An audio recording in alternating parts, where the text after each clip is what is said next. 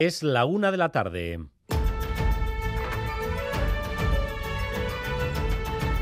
Crónica de Euskadi con Dani Álvarez.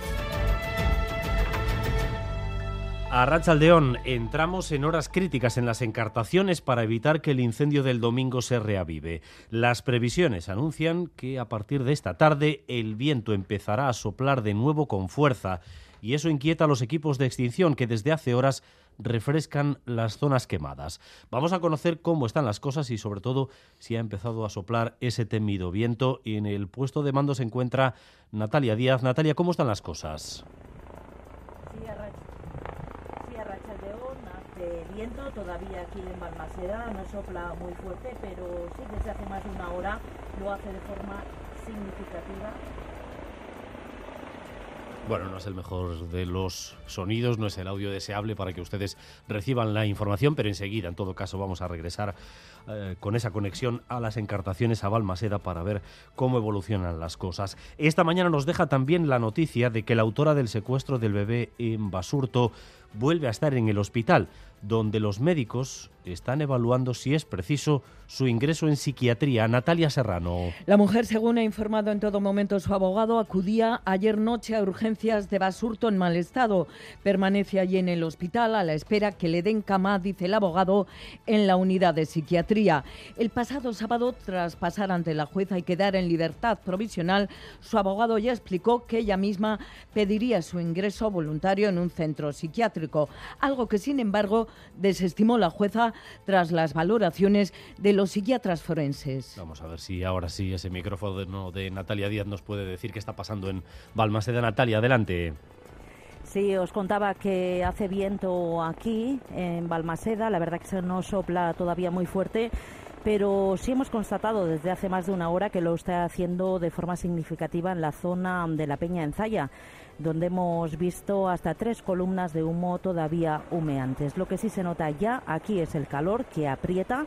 Estamos a 29 grados y es que es lo que nos viene el resto de la semana. Pero lo importante, el fuego está controlado y se sigue refrescando constantemente la zona por tierra y aire. Escuchamos el helicóptero de la chancha como está haciendo reconocimientos por aire. Aún así, se pide extremar al máximo las precauciones, sobre todo en el monte, donde se pide no acudir si no es estrictamente necesario. Además, el consejero de Economía y Hacienda, Pedro Azpiazo, acaba de presentar el proyecto de presupuestos del gobierno vasco para el que pide el apoyo de la oposición, porque sus más de 14.000 millones, nunca un gobierno había tenido tantos recursos, están pensados para esto.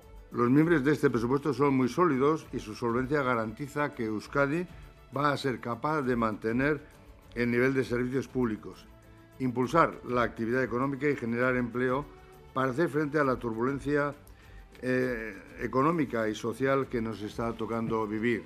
Vamos con las primeras claves de esos presupuestos. ¿Qué se puede destacar, Rodrigo Manero? Pues, pues podemos decir que el Gobierno tendrá 1.100 millones de euros más para gastar que este año, un incremento del 6,7% y tres cuartas partes irán para gasto social. Salud y educación, como siempre, se llevarán la mayor parte, seguidas de empleo y vivienda. Las inversiones suben a 1.800 millones y el gasto en I+D se duplica por segundo año consecutivo. Este presupuesto incluirá también partidas para ayudar a las familias más desfavorecidas a pagar la compra de alimentos y la calefacción, que se articularán a través de la Cruz Roja. Por cierto, prácticamente a la misma hora, el PSE ha comparecido con todos sus responsables de movilidad y transportes para anunciar su pretensión de prorrogar las ayudas, como la gratuidad de Renfe y otras que están en vigor, Irache Ruiz. Sí, porque entiende que está sobradamente justificado cuando EZA propone la gratuidad de cercanías y media distancia de Renfe durante todo 2023 y que sigamos pagando el resto del transporte a la mitad de precio. Además, el Partido Socialista pide modificar la fiscalidad del alquiler y plantea elevar las deducciones tanto a arrendatarios como a arrendadores hasta el 50% en el caso de los jóvenes. Estas medidas supondrían un coste de 180 millones de euros, cuantía asumible para las arcas vascas, a juicio de Andueza. Y ya sabemos cuándo empezarán las obras para coser Leyoa. Será en abril, obras para cubrir la avanzada con el propósito de unir el pueblo.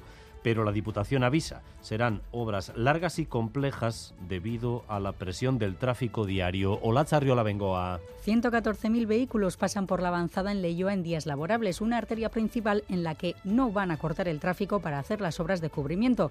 Por eso se largarán tanto. La licitación será en dos semanas, con un presupuesto de 65 millones de euros. Y Manuel Pradales, diputado de Infraestructuras vamos a acabar definitivamente con la brecha que divide Leyoa, unimos el municipio y sobre lo que hoy es una trinchera por la que hay miles de vehículos transitando a cielo abierto, vamos a tener un bulevar en Leyoa de una longitud de 620 metros Además del cubrimiento, se colocarán también pantallas antirruido al borde de la calzada para la mejora de la contaminación acústica. Primer discurso de Giorgia Meloni en Italia. Bruselas respira tranquila porque ni quiere romper con la OTAN ni tampoco con la Unión Europea.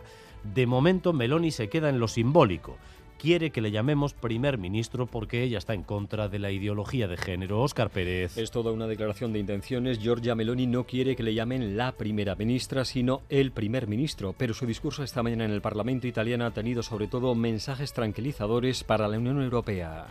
In cui l'Italia farà sentire forte la sua voce come si conviene a una grande nazione fondatrice.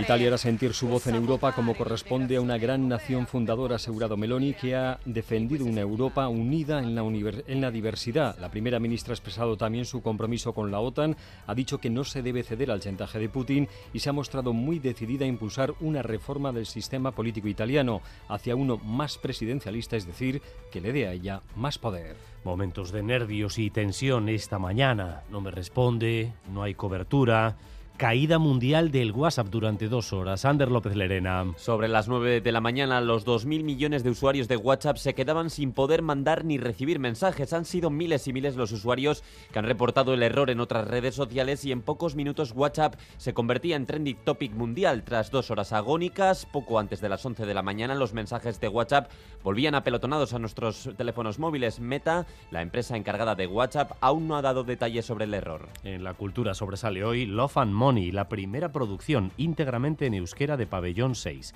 Se estrenará mañana en el Arriaga en una única función para pasar después al escenario de Pabellón 6 en Zorrozaurre entre el 4 y el 27 de noviembre. Cuenta con la dirección de Cecil Marquet y encabezan el elenco Ugaitz Alegría y Ayora Sedano.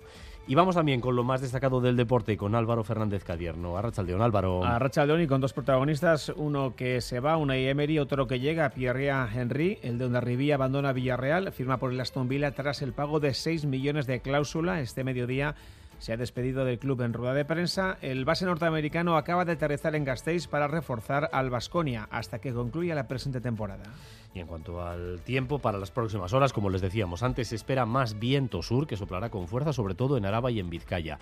Las nubes han dejado algún pequeño chubasco esta mañana, pero para esta tarde esperamos de nuevo tiempo seco, caluroso. Volvemos a los 30 grados, de momento 24 y subiendo en Donostia y en Bilbao. 18 grados de temperatura en Bayona, 21 en Pamplona, 20 en Vitoria-Gasteiz. Gracias un día más por elegir Radio Euskadi y Radio Vitoria para informarse.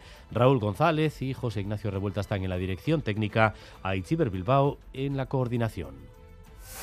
Crónica de Euskadi con Dani Álvarez.